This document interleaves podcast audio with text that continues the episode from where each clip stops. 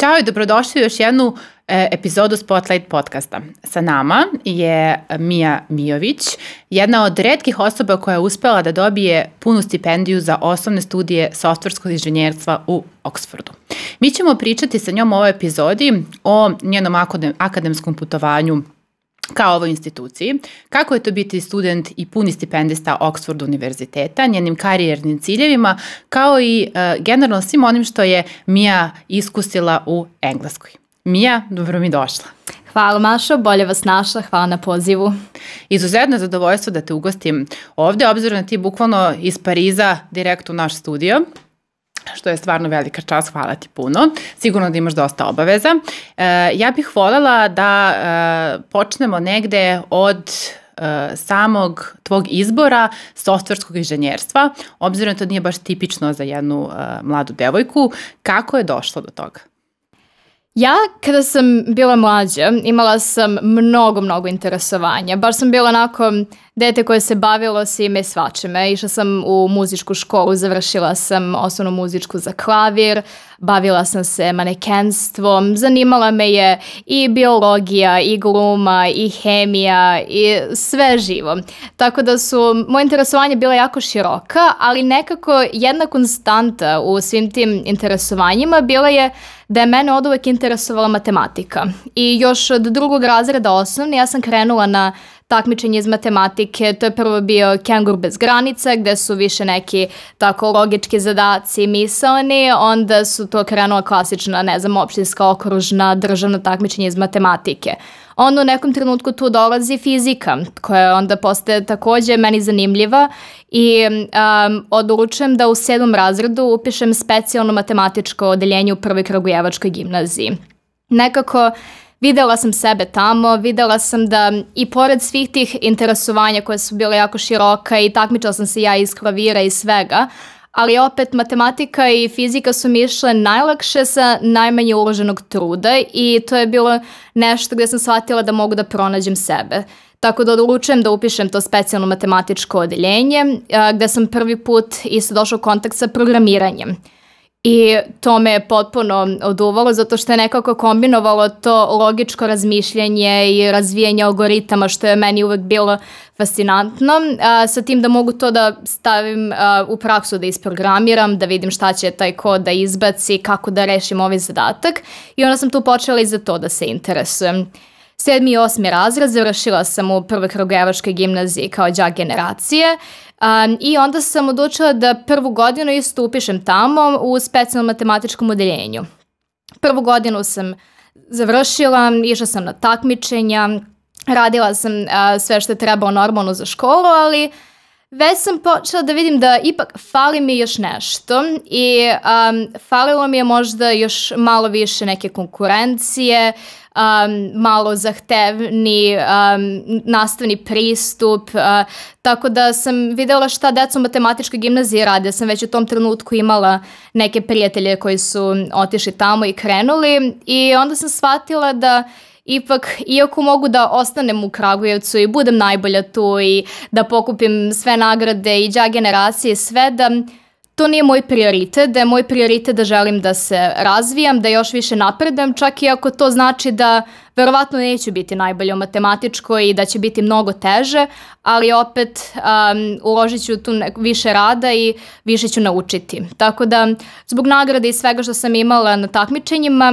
uspela sam da se prebacim u matematičku gimnaziju, mentorsko odeljenje, uh, u druge godini srednje škole, tako da sam srednju školu završila tamo. I sad iz ove perspektive, drago mi je da sam to uradila, iako u tom trenutku je bila jako teška odluka koja treba da se donese. Ja sam iz Kragujevca, to je podrazumevalo i odvajanje od porodice, život u domu, potpuno neko novo okruženje, nešto na što nisam navikla i opet taj deo uh, samostalnosti koje bih morala da imam tamo sa samo 15 godina. Ali ipak odlučila sam da je to vredno i um, iako nije bilo lako, nisam se pokajala i eto to me je dovelo ovde gde ja sam sada. Dobro, e sad e, jedno ovako pitanje. Kako dolazimo do toga da, ok, bilo ti je teško odvajanje, tranzicija Kragujevac-Beograd, ali kako dolaziš na pomisao da Engleska i to baš Oxford postane, postane sledeća tvoja destinacija? Da li je bilo alternative uh, Engleskoj i Oxfordu? Da, nekako u matematičkoj svake godine slušamo o, učenicima koji su otišli na Cambridge, koji su otišli Oxford, MIT i svi ostali prestižni univerziteti u svetu. Um, I to me je zaintrigiralo i pomislila sam pa možda bih ja mogla da probam da vidim da li ću možda ja moći da upišem, da li će im se ja dopasti ili ako ništa da vidim kakva je cijela ta procedura, kako se upisuje, da makar steknem to neko iskustvo. I tako sam odlučila, bilo između Cambridgea i Oxforda, pošto za osnovne studije ne mogu um, učenici da se prijeve za oba, mora da se izabere jedan od ta dva univerziteta. Tako da između Cambridgea i Oxforda izabrala sam Oxford, nekako više mi se malo je veći grad, više delovao mi je dinamičnije, što je opet još jedan aspekt koji sam uzimala u obzir pri izboru univerziteta. Druga opcija bila mi je da ostanem ovde u Beogradu na elektrotehničkom fakultetu koja je takođe fenomenalan, tako da sam to nekako imala kao sigurnu opciju gde um, bih i dalje bila jako zadovoljna, a Oxford je bio, bio neki san, to je bilo nešto o čemu sam maštala, ali je pitanje da li je ostvarivo. I onda sam krenula da radim za to, da vidim da li ću moći da postignem taj cilj. Šta je to podrazumevalo kad kažeš radiš na tome? Šta je to sve značilo? Kako se jedna osoba mlada priprema za jednu takvu instituciju? Um, kao prvo, te neke pripreme počele su i pre nego što sam bila svesna da uopšte želim da um, upišem Oxford ili bilo šta u inostranstvu. Ja sam uh, krenula na razne kampove letnje, uključujući i bila sam polaznik u Petnici još od moje 13. godine, prvo na a, letnjoj naučnoj školi, pa na seminaru matematičko-tehničkih nauka i na kraju kao polaznik seminara fizike, tako da sam se dosta bavila nekom naukom tu, što se kasnije ispostavilo da je bilo jako bitno za moj dalji um, upis na Oxford, A onda kada sam odlučila da želim da, e, da probam da upišem Oxford, um, usledile su pripreme prvo za prijemni ispit. Znači da bi se upisalo bilo šta na Oxfordu ili na Cambridgeu, prvo mora da se uradi jedan um, prijemni ispit. U mom slučaju, pošto sam se prijavila za inženjerske nauke, to je bio kombinovani test iz fizike i matematike. I to se radilo ovde u Beogradu. Nas, uh, kogod se prijavio za to, radi je taj test. Ne znam, oni koji su se prijavili za matematiku radili su test iz matematike i a, tako za različite predmete. Um, radila sam neke zadatke od ranijih godina, pripremala sam se, stvarno je bitno da se taj test dobro uradi, da bi oni uopšte uzeli um, nekog učenika u obzir uh, za dalje neko intervjuisanje. Pored toga, uh, šalje se personal statement, što je uh, um, neka motivacijono pismo, da, um, kratka autobiografija na jednoj strani, gde sam morala da sažmem nekako najbitnije stvari kojima sam se bavila. To je sigurno bilo teško, obzirom da si toliko jedna svestrana ličnost. da, ali nekako, um, čini mi se, njima je jako bitno, makar u engleskoj, uh, čime si se bavio vezano za tu oblast za koju se prijavljaš. Znači, njima je bilo bitno, recimo, koje projekte sam ja radila u Petnici um, ili na koje takmičenja sam išla i tako neke stvari, za razliku od Amerike gde se možda više i potencira na nekim da li si volontirao, da li si se bavio sportovima i tako tim stvarima. U Engleskoj njih apsolutno to ne interesuje. Po sistemu ne trošite mnogo reči na, na to. Objasnite nam zašto baš želite da se bavite um, ovim, zašto se prijavljujete. Tako da, um, eto, poslala sam bila tu prijavu, radila test i um, onda sam na svoj rođendan, jako zanimljivo, dobila mail da sam pozvana na intervju. Um, tako da sam po brzom postupku nabavila vizu za Englesku. Znači i intervju je morao da bude tamo? Intervju je mogao da se radi i online u tom trenutku, ali to je bilo onako i malo komplikovano i opet želela sam da ako ništa vidim Englesku, vidim taj Oxford um, i da mi to bude makar neko iskustvo, čak i ako ne budem primljena. Tako da sam odlučila da odem tamo i radim taj intervju uživo. Um, I to je bilo neko potpuno novo iskustvo, moj prvi put u Engleskoj um, i naravno prvi put na Oxfordu. Um, bila sam fascinirana gradom. E, videli ste svi verovatno te slike, to su jako stare zgrade i sve onako izgleda jako lepo i kao iz Harry Pottera, pošto deo ja, Harry Pottera, da kažem. deo Harry Pottera je sniman tamo i onda ima gomila turista uvek koji su, um, koji su tu da vide gde je sve to snimano, ali sam se stvarno i osjećala kao da sam u Harry Potteru na tom koleđu gde sam bila i gde sam radila intervjue, prvo veče sam a, završila na groblju, zato što imaju neko groblje iz 12. veka a, koji mi je u jednom od dvorišta, a pošto ima tako gomila nekih prolaza, ja sam samo jednom završila na groblje, kog des, šta se dešava sad i ništa sam se vratila onda dakle sam došla i našla sam pravi izlaz, ali tako eto neke stvari koje su bile jako zanimljive. Šta se dešava na intervju? Šta, ka, kakav je tvoj bio utisak? Da li si imala tremu? Mislim, nije ipak sve jedno, uživo je. Kakva su to bila pitanja i šta je njih zapravo interesovalo na tom intervju? Naravno imala sam jako veliku tremu i um, nisam znala mnogo šta da očekujem zato što um, razgovarala sam sa nekim našim učenicima iz matematičke koji su otišli pre mene na Oxford, tako da sam imala neku ideju kako to treba da izgleda i kako će da funkcioniše, ali ne možete vi da znate tačno to dok ne iskusite. Tako da sam uh, ušla, tu uđem u jednu recimo učionicu i uh, u mom slučaju tu su bila dva tutora koji inače predaju uh, taj predmet sa tog koleđa i oni su krenuli da me pitaju prvo neka opšta pitanja da, gde prolaze moju autobiografiju koju sam im poslala, čisto da vide um, zašto mene to zanima. I, na primer, Njima je bilo mnogo zanimljivo jedan projekat koji sam ja radila u Petnici, koji se zvao akustična levitacija, gde sam ja koristila jedan um, zvučnik jako visoke frekvencije i naspram njega stavila ogledalo da formiram stojeće talase i onda sam ubacivala kuglice stiropora gde su one levitirale. I njima je bilo mnogo fascinantno da ja njima, dobro, naravno i sa strane objasnim i sa inženjerske perspektive i fiziku iza svega toga.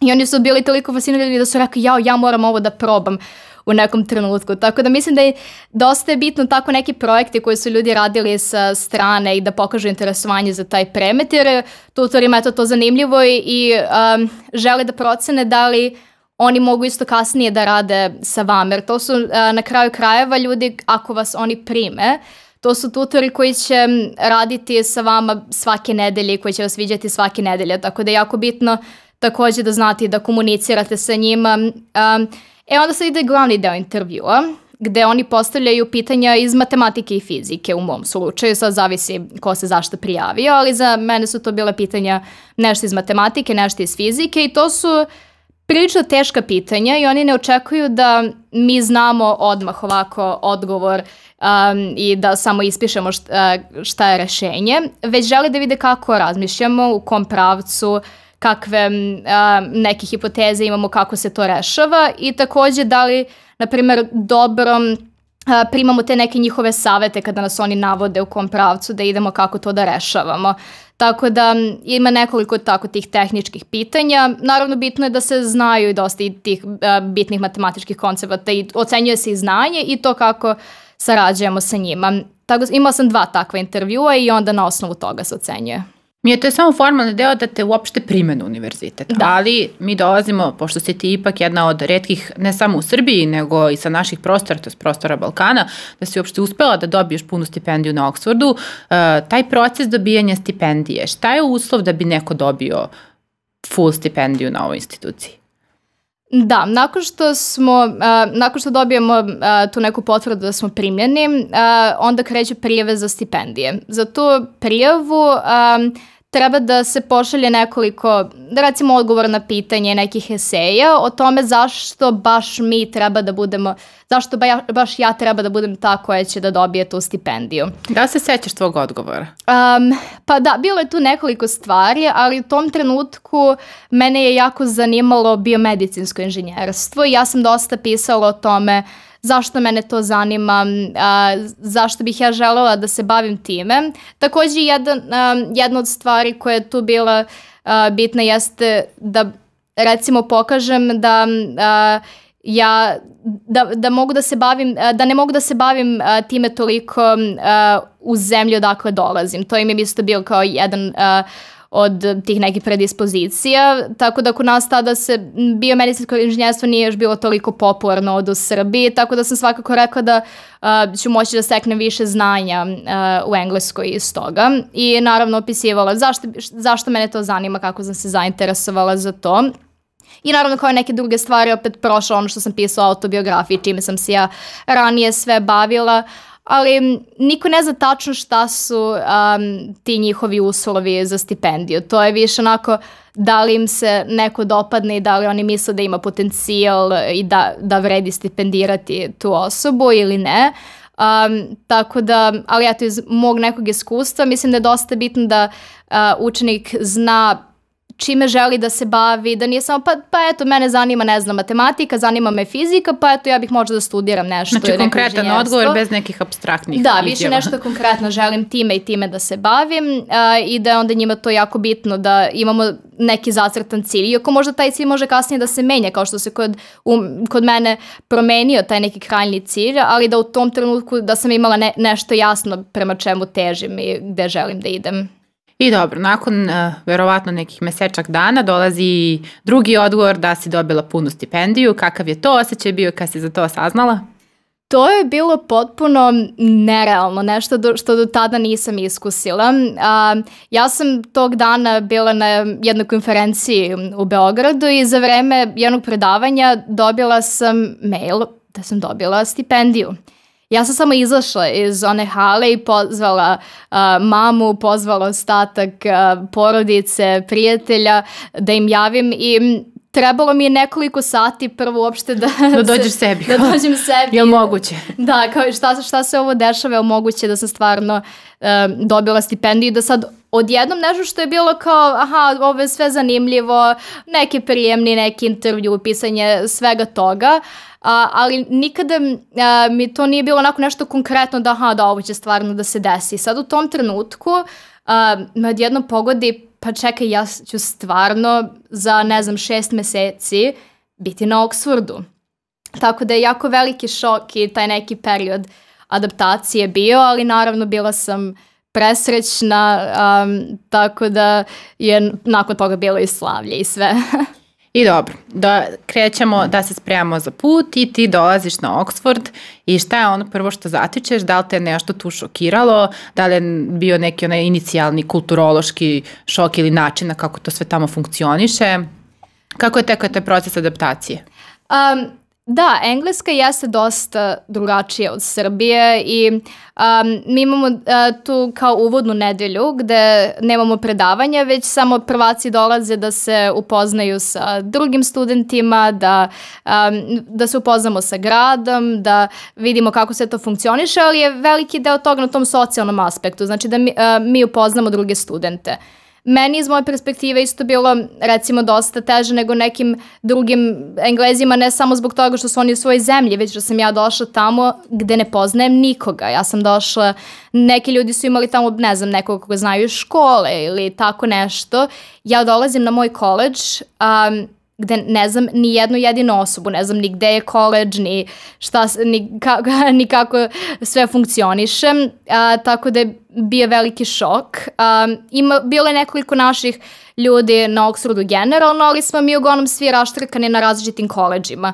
Koleđ je mesto gde mi živimo, jedemo i oni su generalno, imamo deo te neke nastave na koleđu, tako da smo dosta odvojeni uh, uh, po tim celinama, tako da ja nisam eto poznavala nikoga, ali nekako sam uspela brzo da se sprijateljim sa dosta ljudi što iz Engleske, što raznih um, uh, raznih zemalja sveta, tako da su to bili prijatelji počeši od, ne znam, Pakistana i Indije, pa do Amerike, Grčke i bilo nas je sa svih strana i onda je to dosta i pomoglo uh, da prebrodim i tu neku nostalgiju i uh, to da mi nedostaje i porodica i nedostaje mi prijatelji iz Srbije, ali opet bi je sve bilo nekako novo i zanimljivo. Ne znam, u tom trenutku kao da nisam ni stigao toliko da razmišljam koliko mi nedostaje kući, zato što sam sve vreme razmišljala, čekaj, ne znam, nešto novo se dešava, šta, uh, hoću da naučim ovo, da vidim ono. Um, I onda sam vremenom počela polako da se navikavam na tu neku drugačiju kulturu.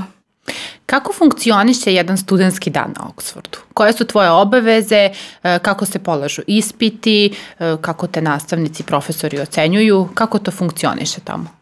Um, što se tiče nekog regularnog dana, prvo mi imamo dosta manje predavanja nego što su studenti ovde navikli. Čini mi se da ovde kod nas predavanja su manje više po ceo dan a, i onda su studenti po ceo dan na fakultetu. I onda meni je bilo potpuni šok da tamo ja imam otprilike dva sata predavanja dnevno, a, ostatak vremena se računa da ću ja sedeti, ne znam, u biblioteci ili nešto i tamo učiti i pokrivati um, tu oblast. Tako da, otprilike predavanja su, predavanja su ono što imamo na fakultetu i to imamo svi zajedno. E onda, kada pređemo neku oblast, recimo da jedne nedelje imamo 4 sata predavanja iz jedne oblasti, onda uglavnom naredne nedelje imamo tutorial sa a, našim tutorom gde više to... A, da, gde prelazimo tu oblast. E sad, tutoriali su ono što izdvaja Oxford i Cambridge i od ostalih univerziteta u Britaniji.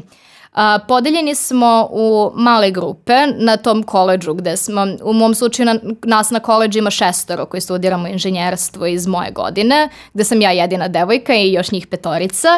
Um, I uglavnom smo bili podeljeni u grupe od po dvoje ili troje studenta koji um, idu na tutorial sa jednim profesorom.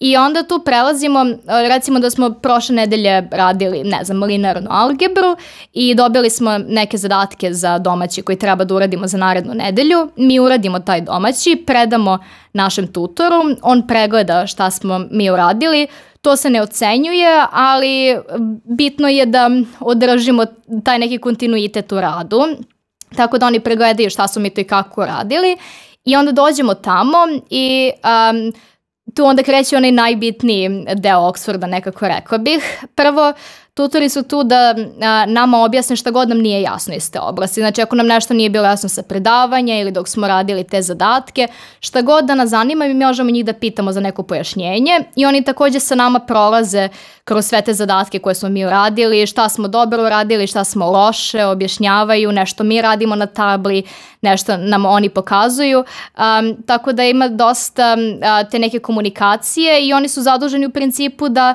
prate naš napredak i da um, nam pomognu da ostvarimo što bolje rezultate. Oni nisu tu da nas ocenjuju, da nas, ne znam, grde ili tako nešto, već su isključivo tu da nam pomognu, što je jako dobro i jako korisno u tom nekom sistemu studiranja. A što se tiče ispita, napomenula si mi, kad smo se, eto, kad mhm. sam se upoznavala sa tvojom biografijom, To je jako interesantna stvar da se ispiti polažu jednom godišnje i da to nije kao kod nas da mi imamo 5-6 ispitnih rokova pa studenti to sve spremaju u, to, za, za te ispitne rokove, nego ti moraš 6-7 predmeta sve u jednom roku. E, ka, kako se to postiže? Da, to je, rekao bih, makar meni jedan od najzahtevnijih um, aspekata Oxforda. Um, svi ispiti, sve št, celo gradivo što radimo cele godine se polaže na kraju u junu. Nama je godina podeljena na tri semestra uh, i svaki traje osam nedelja. I u prva dva semestra sve su predavanja i ti tutoriali, u trećem možda imamo po neko predavanje, ali većina trećeg se samo fokusira da nam daju vremena da mi spremamo te ispite i onda se pri kraju semestra, negdo junu, uglavnom u to, tokom jedne ili dve nedelje mi imamo sve ispite. Tako da um, bolje da se postaramo da budemo zdravi te nedelje, da nam sve bude dobro, zato što šta uradimo tada, uradili smo. Nema još nekog roka, nema popravnih, nema bilo čega, tako da šta smo radili, radili smo. Šta se desi mi ako padneš neki od ispita i ako jednostavno ne prođeš? um, pa što se tiče toga, ima određen, ne znam, broj, može recimo, makar na mom smeru, da li jedan ili dva ispita, ne znam, da se padne, a da se prođe u sledeću godinu ili nešto, ali uglavnom ljudi ne padaju ispite, jako malo, možda dvoje studenta ili troje uh, u godinu, da recimo 150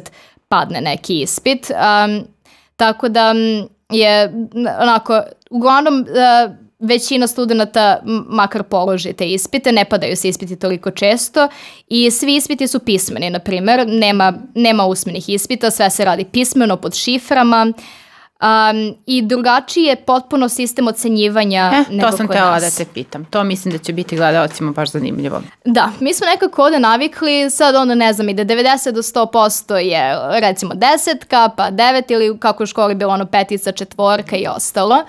Um, kod njih je dosta drugačije. Za najvišu ocenu treba 70%. I sad nama to ovde deluje jako kao pa kao samo 70% to mora da je mnogo lako ako treba samo 70% za najvišu ocenu, ali zadaci su napravljeni tako da je jako teško doći i do tih 70%.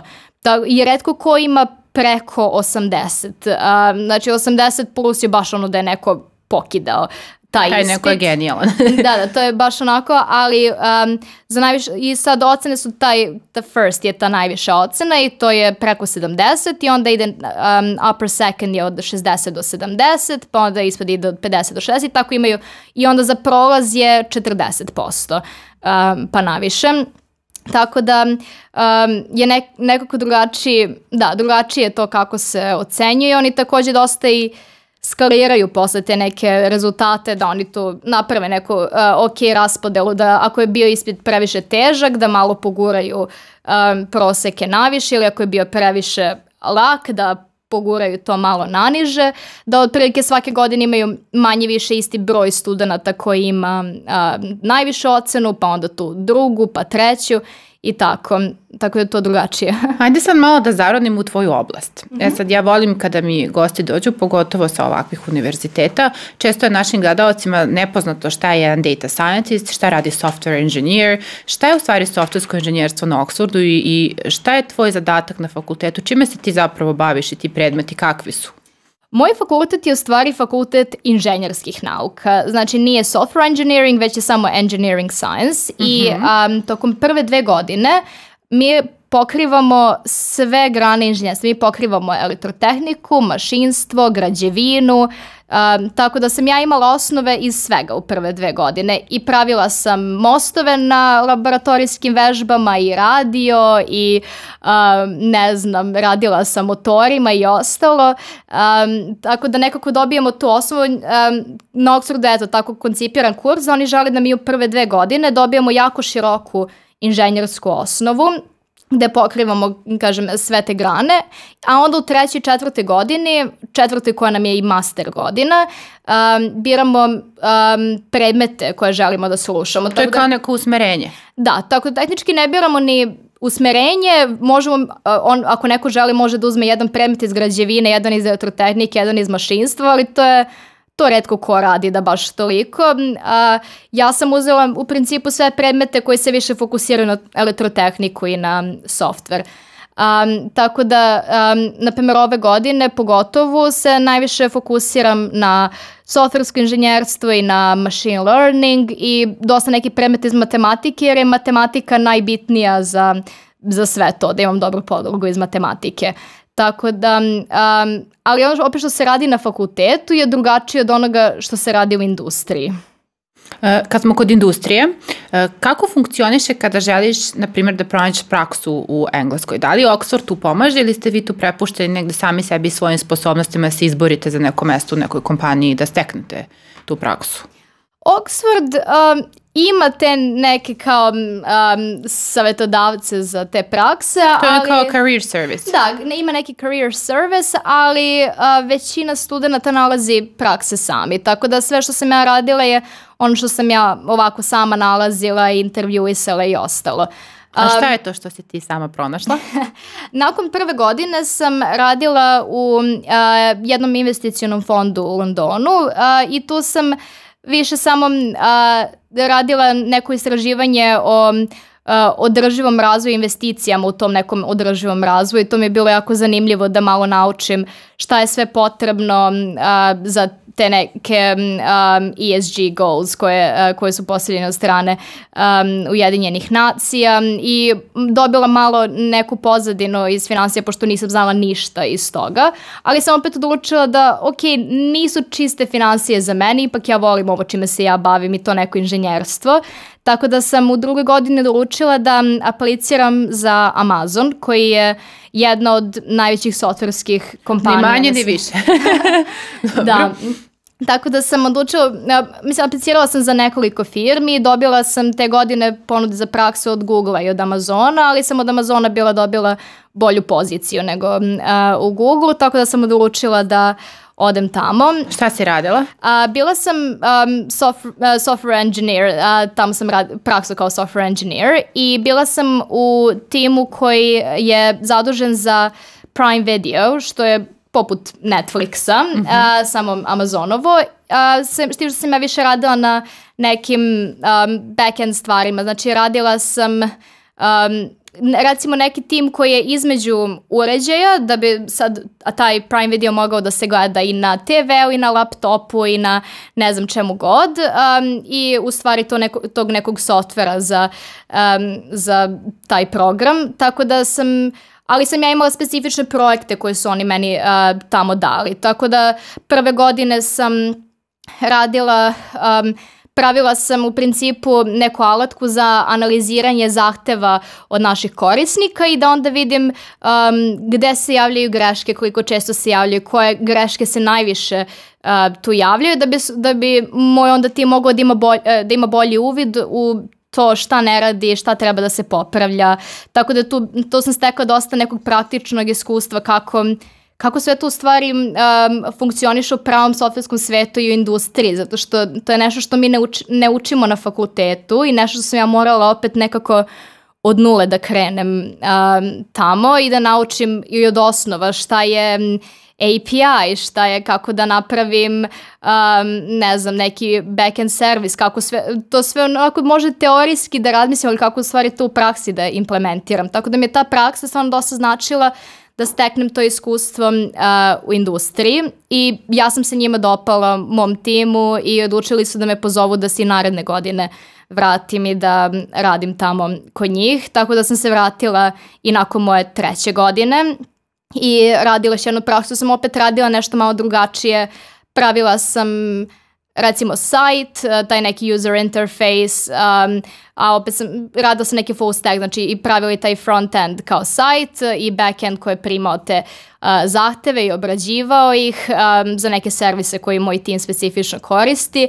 Tako da sam um, gledala da na obe prakse dobijem neki drugačiji skill set koji ću moći kasnije da upotrebim na poslu stvarno impresivno. A, tebi je Amazon i ponudio posao, do toga ćemo doći kasnije, zašto si se ipak odlučila da ne ostaneš u takvoj uspešnoj kompaniji. A, mene više zanima da se malo vratimo na upriču o Oxfordu. A, ono što smo izostavili, to su te neke van nastavne aktivnosti. A, dosta a, ljudi koji su gosti su mi pričali o tome kako je veslanje izuzetno popularno, kako postoje balovi u pravom smislu te reči, onako kao na pravom dvoru, pa eto ti koja si tamo već četiri godine, kako to zaista izgleda? Da, mislim da dosta ljudi kada čuje Oxford imate neke predrasude da mi samo sedimo u četaonici po ceo dan, radimo, idemo na fakultet i to je to, da nemamo uopšte vremena za te neke vanastavne aktivnosti, što ne može biti dalje od onoga kako je u stvari tamo.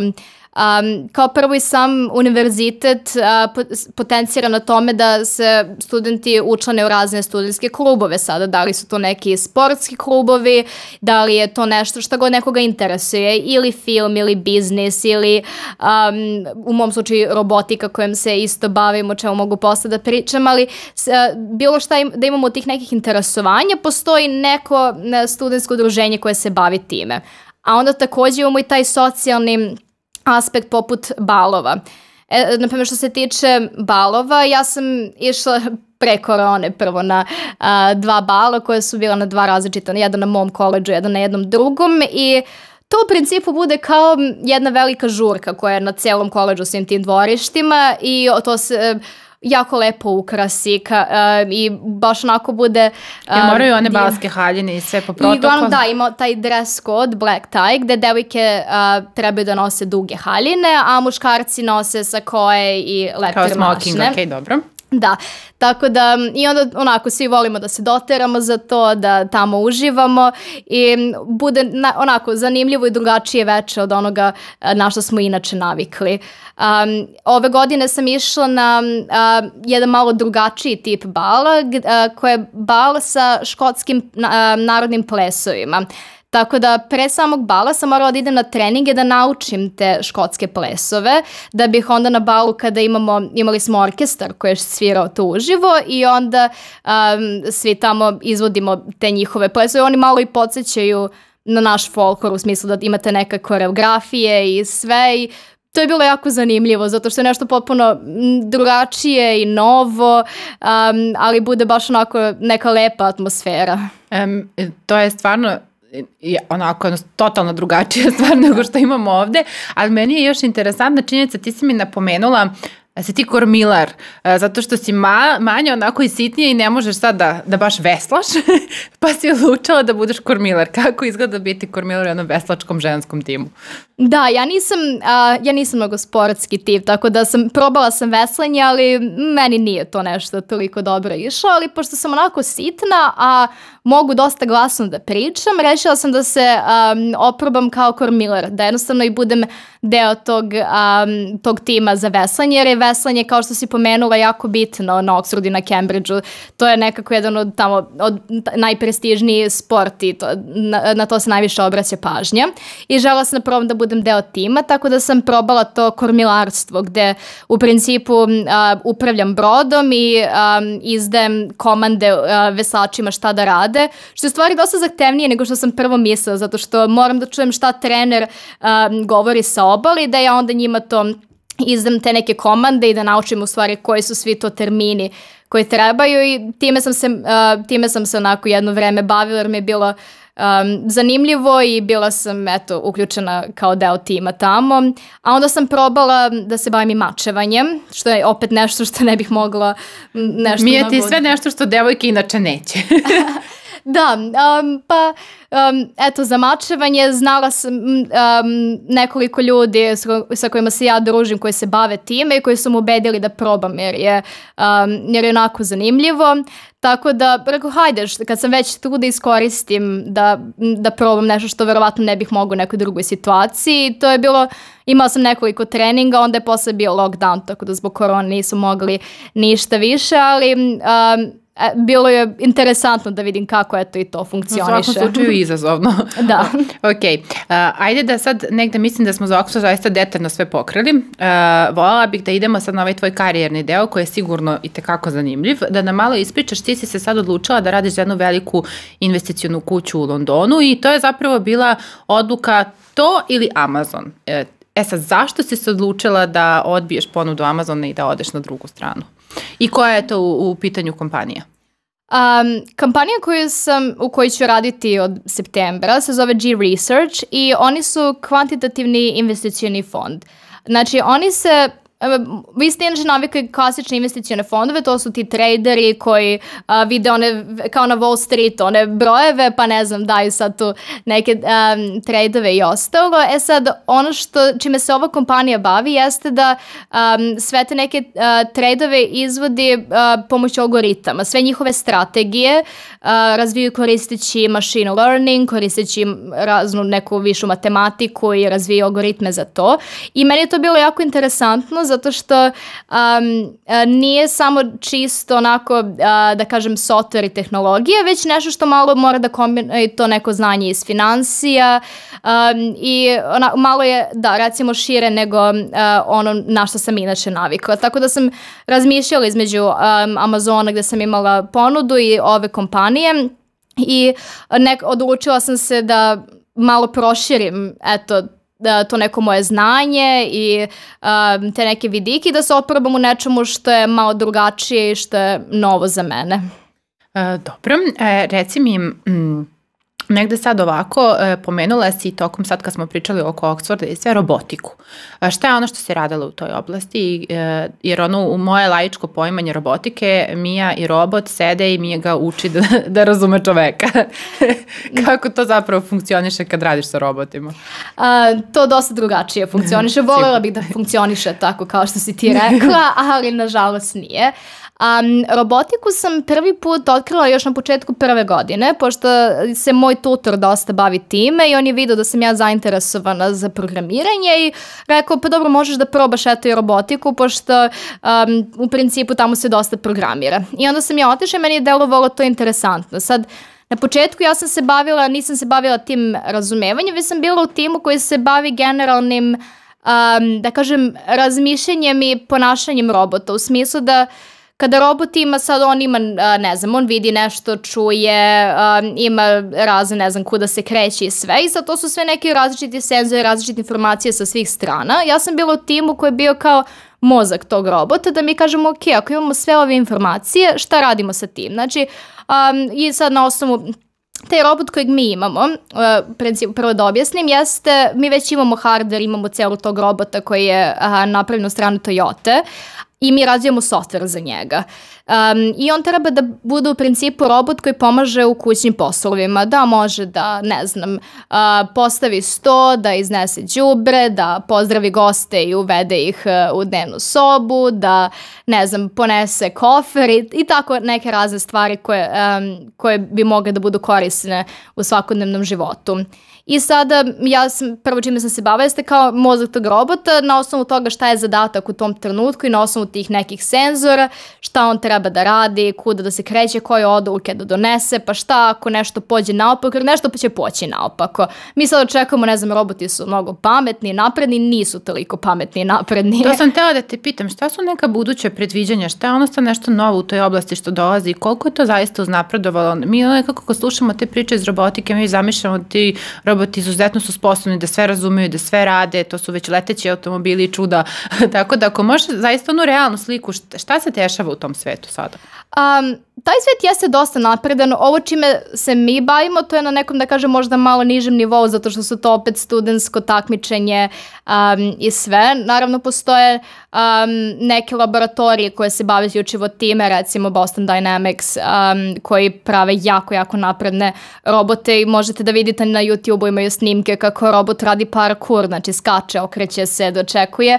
Um, I to je sve jako napredno što se tiče tih nekih kontrola, kako držati ravnotežu kako, um, kako se kretati uh, i ostalo. Um, i što se, a što se tiče samog razumevanja, opet i tu dolazi do velikog napretka um, u razumevanju jezika, u prepoznavanju uh, taj neki vision i, um, ta, i tih stvari, tako da to sve jako napreduje. Ovo čime se mi bavimo nije toliko napredno i nije toliko um, sposobno, ali svakako je dosta uh, na, naprednije nego što je bilo recimo pre pet ili uh, pre deset godina. Tako da uh, je, ne znam, eto, zanimljivo da budem u toj oblasti koja se, um, koja se brzo razvija. E onda sam odlučila da ove godine se bavim malo drugačijim um, vidom robotike, um, da se bavim tim nekim razumevanjem, da kada mi nešto kažemo robotu, da on zna ako ja kažem donesi mi bananu, da on zna prvo šta je donesi, šta je banana. Pa vidiš da sam dobro rekla, znači razgovaraš sa robotom. da, da, da, razgovaram uh, sa robotom u tom smislu. A, um, ideja, za, mislim, ideja da promenim time i da se bavim time jeste protekla iz toga čime se trenutno bavim za moj master projekat. Uh mhm. -huh. Um, što se tiče mog master projekta ove godine, odlučila sam da malo se sklonim i od robotike i od svega i um, bilo mi je zanimljivo da počnem da radim na razumevanju jezika. Eto, to je bila neka oblast koja je odjednom počela, eto, nisam znala mnogo šta da očekujem, ali mi je delovala zanimljivo kada sam birala uh, master projekat, pa sam odlučila da se uh, oprobam u tome. Ono što radim trenutno jeste da na osnovu um, abstrakata iz raznih nekih radova koje su izlazili iz oblasti softverskog inženjerstva i inače computer science-a, um, da probam da na osnovu samo tih, na osnovu jezika, na osnovu tih abstrakata predvidim da li će neka oblast uh, da uh, se širi, da li će da se smanjuje um, i da onda pokušam otprilike da pokažem da ok, mi možemo samo da imamo neke informacije, ne znam koliko je radova izašao u oblasti machine learninga ili koliko je radova izašao u oblasti computer vision ili tako nečega, ali da možemo bolje predikcije da napravimo tako što ćemo još uzeti i jezik u, taj, uh, u obzir, zato što um, odjedno možemo da se bavimo stvarima kao što su teme. Uh, Um, e, opet sad je pitanje, aha, pa dobro, kako, kako uopšte može kompjuter ili program da uh, razu, razume šta je tema nečega? E sad ono, na primjer, kako ja pravim te teme i um, šta radim prvo tu, jeste da uzimam reči i stavljam ih u neki multidimenzioni prostor, ali a, recimo sad samo da zamislimo kao da je 2D ili 3D prostor, a, imamo dve reči koje su jako slične, a, recimo a, čaša i šolja. I te dve reči uh, će biti jako blizu u tom nekom prostoru i možemo zamislimo kao dve tačke koje su blizu jedna druge. A onda opet um, imamo znači, čaše i šolja tu, a onda imamo um, reč lampa. I lampa će da bude Tamo malo dalje, da. Mm -hmm. A onda bi opet imamo, ne znam, uh, reč mašinsko učenje koja će da bude skroz daleko od i reči i čaša i šolja i lampa. Mm -hmm. um, e sad, uh, ono što ja radim prvo jeste da pokušavam da vidim gde su te neke, prvo koje su te neke reči koje su um, bitne za oblast computer science koje su različite u odnosu na ostale oblasti. Tu se izdvajaju neke reči kao što su neuralne mreže, kao što je mašinsko učenje, ne znam, veštačka inteligencija, algoritmi i tako to. I onda pokušavam da opet te reči nekako grupišem u neke teme i sad, um, ne znam, mašinsko učenje ili, um, ne znam, reinforcement learning ili tako neki termini su nekako bliži. Onda imam, recimo, natural language processing je deo onoga što ja radim, to obrada prirodnog jezika. Um, bi opet bila blizu isto takođe reći, na primjer, jezik i a, tako neke stvari, tako da onda odjedno... I ti to grupišeš u teme koje trebaju da na, naprave predikciju. U... Da. I da li onda... će ta neka oblast biti... Da, tako da se prvo bavim formiranjem tih tema i onda nakon toga primenjujem a, taj, a, u principu onda primenjujem machine learning na tim temama. Onda gledam prvo kako su se teme te razvijale u vremenu. Sada, recimo, pre 10 godina uh, recimo na mašinsko učenje nije, nije bio toliko čest pojam u tim radovima, dok u 2021. se, ne znam, javlja u 80% radova. I onda na osnovu toga gledam, aha, znači ovo se razvija i onda posle na to mogu da primenim neke tehnike mašinskog učenja i da kažem, aha, ok, sledeće godine um, ovo će da, ne znam, poraste za toliko, ovo će da se smanji za toliko i onda radim neke predikcije na tome. Onako kako je toga, znači predviđaš bukvalno koja će zanimanja biti interesantna u budućnosti. Da, i ovo se može primeniti na razne stvari. Sad ovo ja se u mom konkretnom slučaju bavim um, time za ove radove i za teme u computer science-u, ali se takođe može recimo primeniti um, ako želimo da znamo um, koje će, ne znam, deonice biti uh, bitne u budućnosti. Sad možemo da uzmemo da analiziramo um, neke članke u novinama ili možemo da uzmemo podatke sa društvenih mreža, recimo Reddit. Uh, to dosta ljudi radi, uzimaju uh, threadove sa Reddita i onda kažu, aha, ok, o, dosta se priča o, uh, ne znam, deonicama Facebooka, sad priča se, da li se priča pozitivno ili negativno, pa sad ako se priča pozitivno, ne znam, deonice će da porastu, ako se priča negativno, deonice će da padne, onda se, dosta, to se, na primjer, dosta primenjuje i tamo i jako su slične tehnike, samo eto ja, ja primenjam na nešto malo drugačije.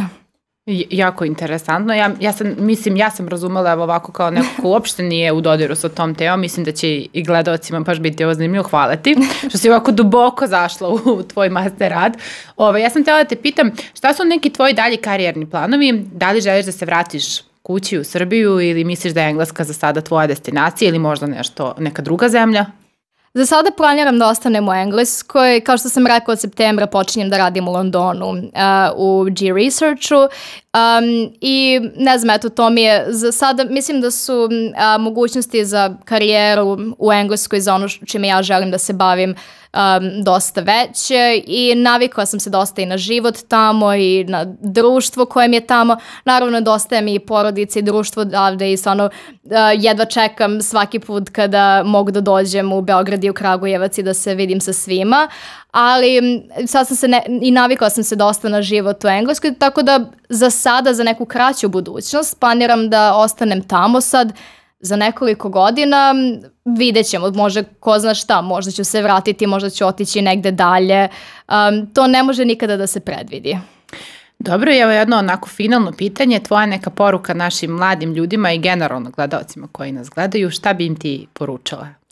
S obzirom da je moj uh, studiranje u inostranstvu meni bilo jako dobro iskustvo i dragoceno. Stvarno bih preporučila um, prvo da, uh, iako misle da možda ne mogu da upadnu na neke univerzitete ili uh, gde god žele, da stvarno ciljaju visoko zato što um, nikada neće znati da li mogu nešto ako ne probaju. Iako ja nisam možda prvo mislila da ću moći da upišem um, Oxford, eto ovde sam i uh, uspela sam sve to da postignem i da završim, tako da prvi savjet bio bi da ciljaju visoko. Um, a što se tiče studiranja inostranstvu, to bih nekako eto preporučila kao jedno iskustvo, ne samo što se tiče nekog akademskog iskustva, već što se tiče um, upoznavanja drugih kultura, drugih ljudi i um, ta neka samostalnost, zato što je um, dosta veća kada se ode daleko od kuće, tako da meni je to dosta značilo i na toj nekoj ličnoj perspektivi to iskustvo studiranja van. Mija, hvala ti puno što si odvojila vreme da dođeš kod nas u studio, obzirom na tvoj prebukirani raspored, na sve ispite koje imaš, master radi posao koji te očekuje. Zaista ja sam počastvovana što si uspela da izvojiš vreme da dođeš. Hvala ti što si se odazvala, hvala ti na prelepom razgovoru. Nadam se da ćemo se sresti kroz neke deset godina kad mi doneseš nekog robota ovde da razgovara sa nama. Svakako želim ti puno sreće u daljem radu i hvala ti. Hvala puno i hvala puno na pozivu, stvarno sam uživala u emisiji. Takođe.